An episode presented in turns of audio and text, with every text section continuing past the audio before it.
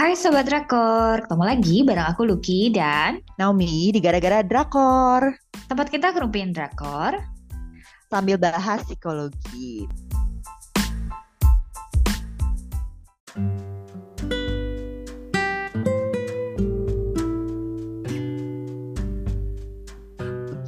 Nah, minggu ini kita mau bahas satu drama yang baru banget eh, tamat minggu ini. Kita mau bahas The Interest of Love. Uh, film yang, eh film, drama yang bikin kita kayaknya semua yang nonton misu-misu bersama ya ini ya. Bener, bikin emosi konsisten dari episode 1 sampai 16. Ini cerita tentang apa sih Mi? Jadi ini eh, ceritanya tentang pegawai Bank KCU. Eh, ada empat orang. An Soo Young eh, diperankan Moon Gayung, terus ada Sang Soo diperankan Yoo Yun Suk, ada Park Mi Kyung diperankan Gem Sairok sama Mas Satpam yang ganteng ini eh, yang selalu gue lupa namanya Jong Jong Hyun dipen- eh, diperankan Jung Garam. Nah mereka berempat ini mm, terlibat cinta segi empat gitu. Nah depannya aja udah rumit ya cinta segi empat gitu loh. Iya kita waktu bikin first impression karena baru nonton dua episode kita nggak nyangka beneran bener-bener cinta segi empat ya kirain cuman kayak bakal ada saling silang gitulah ternyata bener-bener segi empat gitu ya dan akhirnya kita merasa wow oke rumit sekali percintaannya eh, karyawan-karyawan bank KCU ini ya Bener-bener padahal eh, kayak dua episode awal tuh lumayan gemes loh. Eh, eh, satu episode tuh iya iya gemes iya banget kan si Sangsu sama si Suyong. Ah. Tapi itu ternyata eh, first impression yang salah.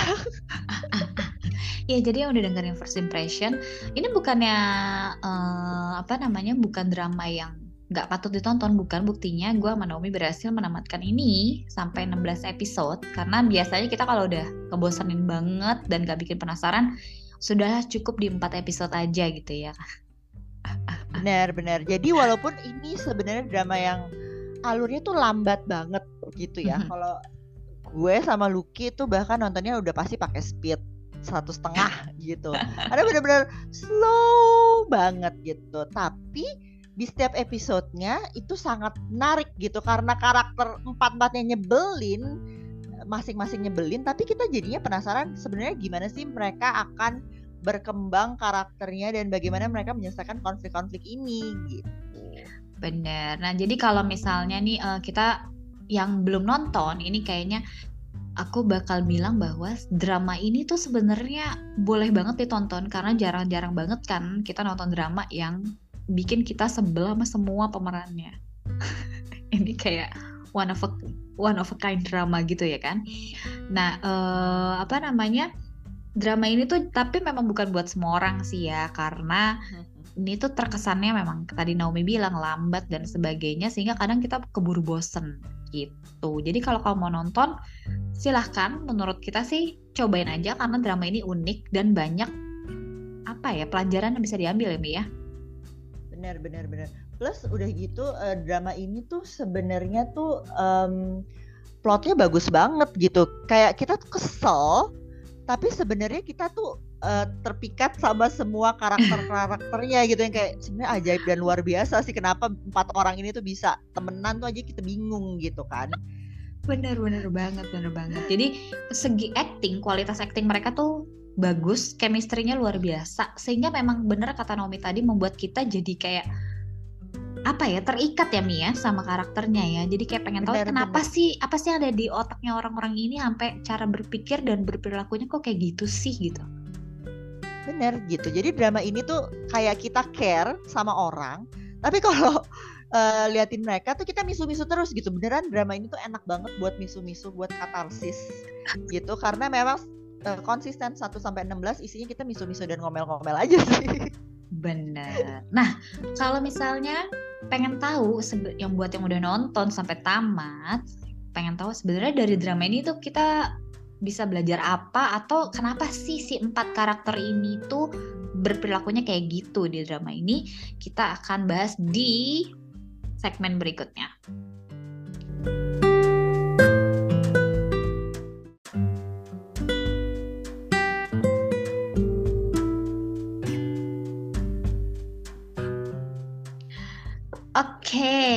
Jadi buat yang belum nonton, yang ini gak usah didengerin kali ya karena akan full of spoiler.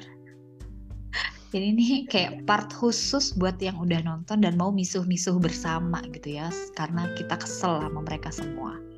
Kita akan bahas per karakter ya Mia untuk yang kali ini ya. Betul, betul, betul. Jadi eh, kita bahas dari karakter yang paling kita suka dulu aja oh, kali iya, ya. Betul. Karakter favorit gitu. kita berdua. Yes, benar. Jadi favorit kita uh, ada namanya Park Mi Kyung dia uh, di antara berempat itu sih yang paling uh, kaya ya. Dia punya privilege oh. orang tuanya kaya. Uh, dia mungkin gampang masuk ke bank KCU di bank KCU pun dia uh, cukup respect ya bosnya aja. Juga nggak berani betul, gitu betul, kan betul. sama dia. Gitu. Cuman uh, karakternya dia tuh sebenarnya dia tuh nggak pengen jadi orang yang privilege dia pengen ya berusaha sendiri untuk karirnya. Cuman kan karena dia memang orang kaya jadi orang suka judgmental sama dia ah, paling orang yes. kaya apa nggak mampu. Tapi mungkin karena dia yang paling secure kali ya uh, jadinya dia tuh yang paling tahu apa yang dia mau dan dia juga mengejar apa yang dia mau. Tapi bagi sebagian orang ini justru nyebelin ya Ki ya Iya, karena kalau misalnya kita lagi bacain thread, bacain thread di Twitter, terus waktu itu kita pernah share ya Mia, dan menurut hmm. kalian siapa sih karakter yang paling nyebelin? Banyak banget. Kayak yang terbanyak malah yang jawab adalah uh, Park Mi Kyung adalah karakter yang paling disebelin gitu. Mungkin ya hmm. karena uh, karena konsep kita terhadap dra drakor gitu kali ya Mi. Kita kalau ada ya orang yang cantik terus kaya itu bawaannya wah ini kayaknya bakal jahat nih. Jadi kayak kita menunggu-nunggu kapan dia akan menjadi jahat gitu ya. Padahal ternyata sampai titik di episode 16 ya dia gitu-gitu aja karakternya nggak kelihatan jahat dia nggak munafik juga dia emang purely pengen berteman sama si An Suyong ini gitu karena dia ngeliat kan An Suyong selalu menyendiri dan mungkin dia ngeliat Suyong juga cantik kali ya dia kan juga merasa oh dia dulu karena dia cantik makanya dia nggak banyak yang nemenin gitu jadi mungkin dia hmm. berempati lah sama si Suyong ini nah kita suka sama karakter Mikyong karena di antara mereka berempat manusia-manusia pelin-pelan ini Mikyong adalah karakter yang paling jelas dia tahu mau dia apa dan dia kejar kemauan dia itu sampai dia bisa dapat. Benar, jadi dia paling straightforward, set nggak pakai pelintan, jadi dan gitu. Jadi kalau dia bilang melakukan segala cara, iya, tapi sebenarnya bukan cara yang jahat juga ya karena kan dia dia pepet aja terus ngajak kencan yes. terus deketin gitu. Nah kebetulan yang dideketin kan adalah orang plin plan yang kayaknya untuk mengambil keputusan aja mikirnya seribu tahun gitu. Jadi begitu ada orang yang dominan kayak uh, Mikyung makanya uh, Sangsu ya udahlah. Kalau dia mau pacaran ya udah gue ngikut aja. Deh kebetulan gue juga lagi nggak punya pacar yang gue taksir juga. Udah pacaran jelas. sama yang lain nggak jelas gitu. Jadi lumayan nih ada yang deketin. Benar benar benar. Karena kalau mau bilang jahat ya gimana ya? Uh, Mikyong ini kan udah memastikan sama dua-duanya ya kan? Iya. Dia dia nanya dulu loh sama Sangsu lo tuh ada hubungan gak sama Suyong? Lo naksir juga nggak sama dia? Dan Sangsu dengan tegasnya bilang enggak gue gak ada hubungan apa-apa gitu kan bilang gitu aja jawabnya tegas ya nggak pakai keraguan iya. terus Sui eh Suyongnya juga ditanya kan waktu yang mereka lagi itu melukis apa merajut ya gue pokoknya kegiatan mereka yang selalu di apa pas break lunch itulah. Ya, ya. ditanya kan lo tuh ada hubungan apa sih sama Sang Su? Kalian pacaran ya? Dia bilang enggak dan malah bilang dia udah punya pacar ya kan? Pacarnya adalah si Mas Satpam. Ya udah dong nggak ada salahnya dong. Nih kan gue naksir sama Sang Su ya gue kejar lah. Sang Sunya bilang gak ada hubungan apa apa sama Suyong Suyongnya juga bilang enggak. Jadi nggak ada yang salah secara etika tuh dia udah bener banget ya kan? Bener bener. Gitu. Jadi dia udah memastikan nggak ada keterikatan ya udah dia pepet lah gitu. Jadi kayak misalnya uh, kayak yang dia juga ngasih mobil ke Sangsu sebagai hadiah gitu. Oh ya ya benar-benar kita juga nggak merasa itu salah ya. Namanya ini juga yes. orang kaya gitu. Orang kaya nggak mungkin kan ngasihnya baju doang kaos gitu kan. parfum kan. apalagi nih Iya, ini kan untuk pacarnya ya, maunya ya going big lah gitu. Yes. Apalagi kan mobilnya si Sangsu kan udah nyalain musik aja udah nggak bisa gitu kan. jadi jadi ya kita nggak merasa itu untuk membeli harga dirinya Sangsu atau membeli cintanya Sangsu ya. Dia memang purely emang dia namanya dia pengen ngasih hadiah buat pacarnya dia ngasih sesuatu yang sekiranya berguna gitu ya Betul. kalau kalau gue sih gue terima sih Iya, karena kan normal people juga kayak gitu ya. Maksudnya kita yang kadang-kadang nggak punya duit juga, kadang-kadang maksain beli sepatu seharga 2 juta, padahal sepatu kita aja Hmm. dua ratus ribu ya kan. Tapi kalau buat pacar tuh kayaknya dibela-belain nabung setahun biar bisa beliin yang mahal banget. Ya sama aja, kayak Suyong ini nggak ada bedanya sebenarnya kita juga kayak begitu gitu. Tuh. Menurut gue closure yang paling gue suka ya si Mikyong ini ya dia benar-benar kayak Yes. selesai dia benar-benar pas melepas si Sangsu tuh mungkin awalnya eh, pas Sangsu minta putus dia kayak histeris gitu ya tapi wajar ya dia diputusin di mobil Iya. di hari ulang tahunnya ya gimana Yes. dia nggak ngamuk gitu loh si Sangsu tuh pakai dong otaknya Kalau gue juga bilang ah harus di hari ulang tahun gue banget gitu. Maksudnya nggak bisa nunggu besok aja gitu maksud gue ya kan. Banget terus tapi kan setelah habis itu si Sangsu akhirnya cari hari yang lebih baik ngomong dengan lebih clear lebih jelas si Mikyong bisa menerima dengan baik gitu loh habis Yap, itu ya yap. udah dia let go aja gitu Bet- jadi menurut gue dia justru paling bijaksana dan paling dewasa menghadapi rasa patah hatinya Yap. Oke. Lanjut ke Hmm. pacarnya mantan pacar dan yang pernah jadi pacarnya Mikyong, Sangsu. yes Si pemeran utama yang mukanya selalu lesu. makin episode tuh dia makin mukanya ruwet gitu loh nggak pernah senyum Ya mumet makin dia kasihan gue liatnya Eh, mungkin dia karena terlalu overthinking ya kan, Mister Overthinking. Jadi kayak semua harus penuh pertimbangan sehingga akhirnya karena terlalu penuh pertimbangan itulah akhirnya dia jadinya kehilangan Suyong yang ya dia punya masalah lain lagi gitu ya nanti akan kita bahas setelah ini. Tapi Sang Suni ya itu ya kayak makhluk overthinking dan peragu pelin-pelan ya peragu dan pelin-pelan itu emang karena overthinkingnya itu ya hasil dari terlalu overthinking. Oh kalau gue kayak gini nanti hasilnya gimana ya? Jadi ruwet sendiri gitu kusut makanya mukanya. Iya, makanya dia tuh untuk mengejar eh, Suyong tuh lambat gitu loh. iya aduh gue gemes. Ditambah sebenarnya kan Suyong aja udah insecure ya. Lihat Yes. orang yang ragu sama dia tuh udah makin insecure. Apakah dia sebenarnya tidak mencintaiku? ya jadi gimana ya eh, Sangsu nih banyak ketakutan gitu ya mungkin karena dia mm, dulunya kan termasuk orang yang kaya gitu kan terus eh, jadi jatuh miskin gara-gara eh, ayahnya bunuh diri gitu jadi dia kayak Mhm. ya itu dia ya dia punya mm, ketakutan ketakutan sendiri yang akhirnya membentuk dia jadi pribadi yang overthinking ya karena apalagi dia kerjanya belajar mulu mungkin dia sosialisasinya jelek sama orang gitu ya nggak sempet pacaran mungkin dulu ya kan jadi dia nggak tahu cara ngedeketin cewek ini kayak gimana sih gitu Benar. Ditambah lagi sebenarnya Suyong ini tuh kan eh, kayak orang yang sebentar ngasih harapan, habis itu dia Oh. tiba-tiba ninggalin, tiba-tiba datang lagi, ninggalin lagi. Jadi si em, Sangsu itu nggak pernah dapet message yang clear bahwa Suyong tuh nggak suka sama dia. Dia tuh Yes. jadinya mikirnya bahwa oh dia mungkin suka, mungkin dia butuh dikejar, mungkin aku masih ada harapan gitu. Nah, jadi lanjut kan bahas Suyongnya ya kan ya. Karena memang ini kayaknya Suyong adalah kayak karakter utama wanita pertama yang gue sebel banget loh. Sepanjang karir gue menonton drama Korea. eh enggak, eh enggak deh enggak yang paling sih. Yang paling tuh Nevertheless sih gue sebel banget sama dia. Iya iya Tapi iya. yang ini yang kedua lah gitu ya. Tapi kalau yang pertama yang Nevertheless kan sebel karena kok aduh kok kamu bodoh banget sih cantik gitu kan ya. Kalau yang ini emang karena perilakunya ngeselin banget aja gitu ya kayak astaga Suyong ya ampun gue rasanya ingin sekali membedah isi otaknya dan mengetahui gimana sih cara dia berpikir gitu ya karena kenapa ya dia sangat impulsif dia sangat asumtif dan dia pasif agresif ya kan Hmm, benar-benar. Jadi kayak kelihatannya diem-diem, tapi sebenarnya ngeselin gitu loh. Udah gitu dia memang nggak berani untuk straightforward mengemukakan apa yang dia rasakan kan. Yes gitu Jadi- orang tuh juga menebak-nebak maunya dia tuh apa sih?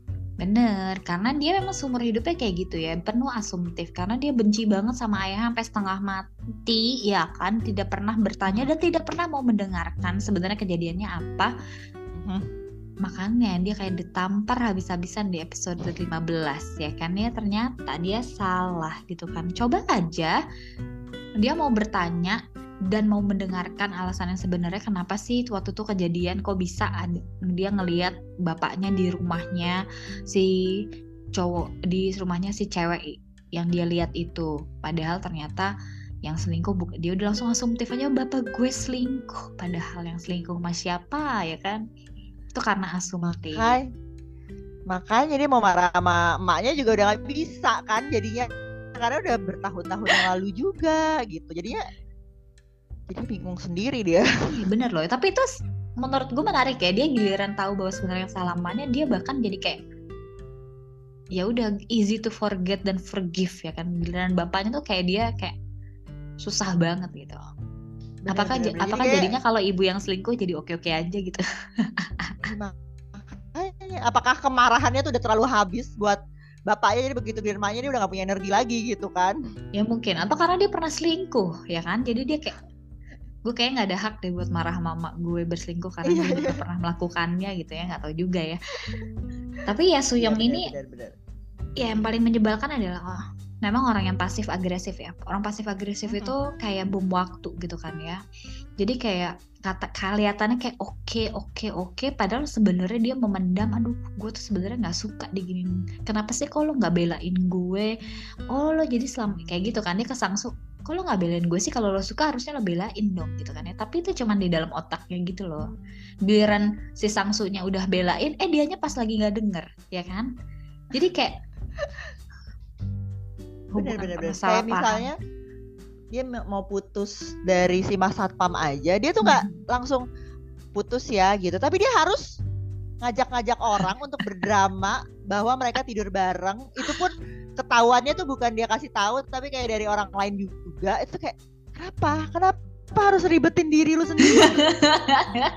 Dia repot ya repot banget ya. Maksudnya iya sih ya maksudnya dia tuh lebih complicated ya. Kalau pantesan mereka tuh nggak cocok ya menurut kita ya Mia si Sangsu sama Suyo. Kebayang nggak sih mas-mas yang terlalu overthinking sama mbak-mbak yang terlalu memperumit segalanya gitu? Jadi kayak ribet banget ya toxic banget hubungannya. Kalau sampai mereka pacaran emang udah jangan sih bener bener gitu. Jadi menurut kita tuh makanya waktu itu uh, pas ada yang bilang uh, happy ending gitu buat gue happy ending adalah mereka dengan tidak jadian gitu kan. Karena ya gimana? Ribet banget berdua gitu. Itu yes. bikin satu KCU heboh. Nah, kecuali ya kecuali mereka udah ini ya udah udah berhasil menyelesaikan semua masalah pribadinya. Ya, ya nggak apa-apa deh mungkin dia boleh menata ulang lagi. Karena kan udah ada what if what if ya. Kalau dulu gini gimana ya? Kalau dulu gini gimana ya? Mungkin itu bisa menjadi pertimbangan. Apakah akhirnya kepribadian gue yang saat ini udah bisa nih melalui semua what if what if itu gitu. Bener. Nah yang terakhir adalah terakhir. yang paling kita benci banget itu tuh si Masat Pam yang oh, ya ganteng yang awalnya itu kayak dia kan cepet ya ngajak jadian si Suyong ya yang kayak iya. gue suka gue mana manis banget tembak. lagi ngejarnya emang eh ternyata emang yang nggak boleh langsung ini ya nggak boleh langsung suka karena ternyata karakternya tuh bener-bener paling bikin gue emosi sih sama gue kayak eh kok bisa ya? Lo ya itu ya kalau lagi ngejar-ngejar mulutnya manis ya kan. Pokoknya apa pun yang terjadi gue gak akan mutusin lo. Totalnya baru ngomong itu benar-benar besoknya. Mohon maaf nih nggak ada nunggu setahun kemudian dua tahun kemudian. Enggak ini benar-benar besoknya. Iya kayak dia baru jadian terus tiba-tiba ya kayak episode berikutnya yuk kita putus iya. yang kayak what lu putus gara-gara apa? Gitu. Jadi dia tuh eh, dia insecure karena ya itu tadi bokapnya sakit-sakitan ya? Iya bokapnya, bokapnya sakit-sakitan dia suka nggak lulus ujian juga terus udah gitu dia miskin. Tapi anehnya dengan karena dia insecure gitu kan dia minta putus.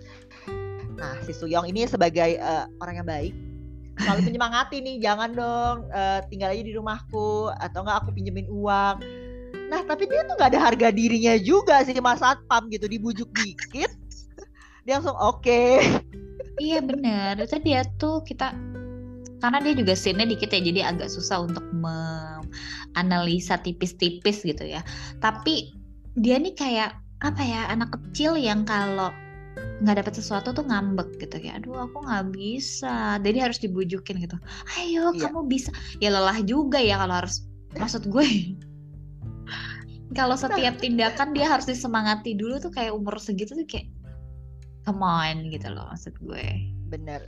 Anehnya si Suyong tuh emang jadinya berperan sebagai mamanya dia gitu kan. Ayo iya, iya. nanti aku iniin. Setiap diputusin dia tuh jangan.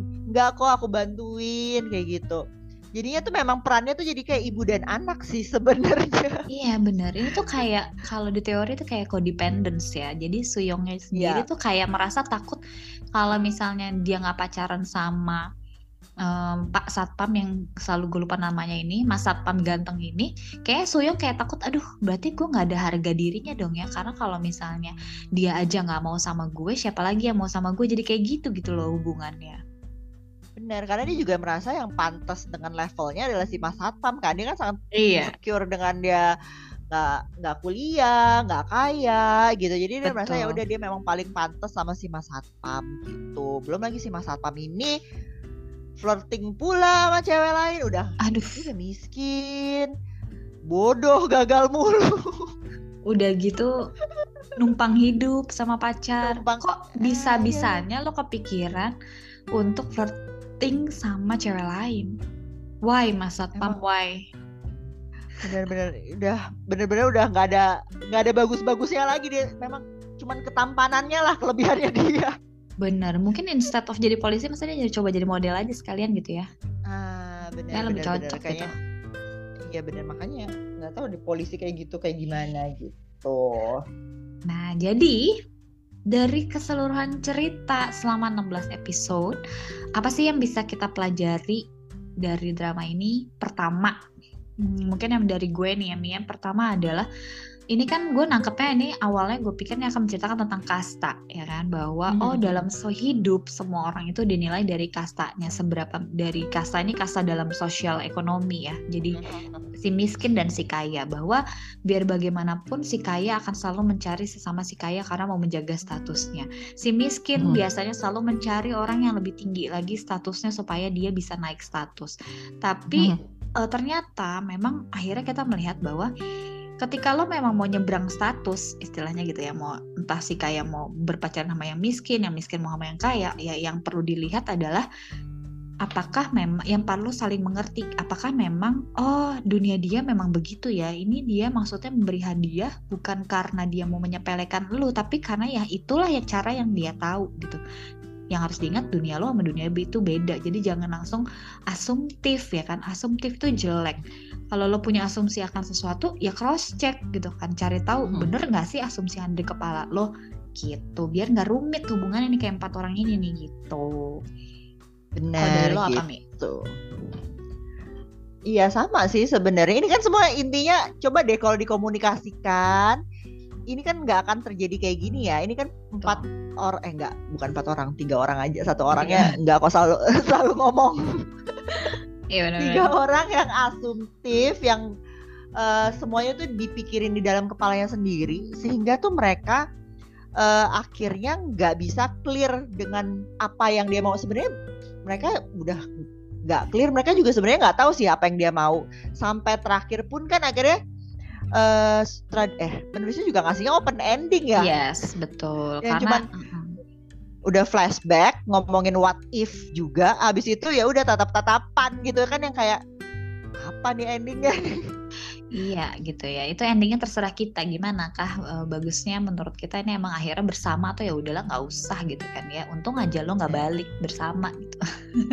Bener, tapi karena apa ya 15 episode kita udah dibawa ngeselin, menurut gue 16 tuh jadinya nggak terlalu ngeselin gitu karena yes. pun dari awal gue ber, uh, berharap ya udah si Suyang sama si Sangsu emang nggak perlu jadian gitu jadi hmm. ketika mereka tatap tatapan dan nggak ada um, term bahwa mereka pacaran pun gue udah legowo gitu. Jadi gue nggak kesel sih ya karena banyak yang kesel yeah, banget yeah, kan yeah. sama endingnya.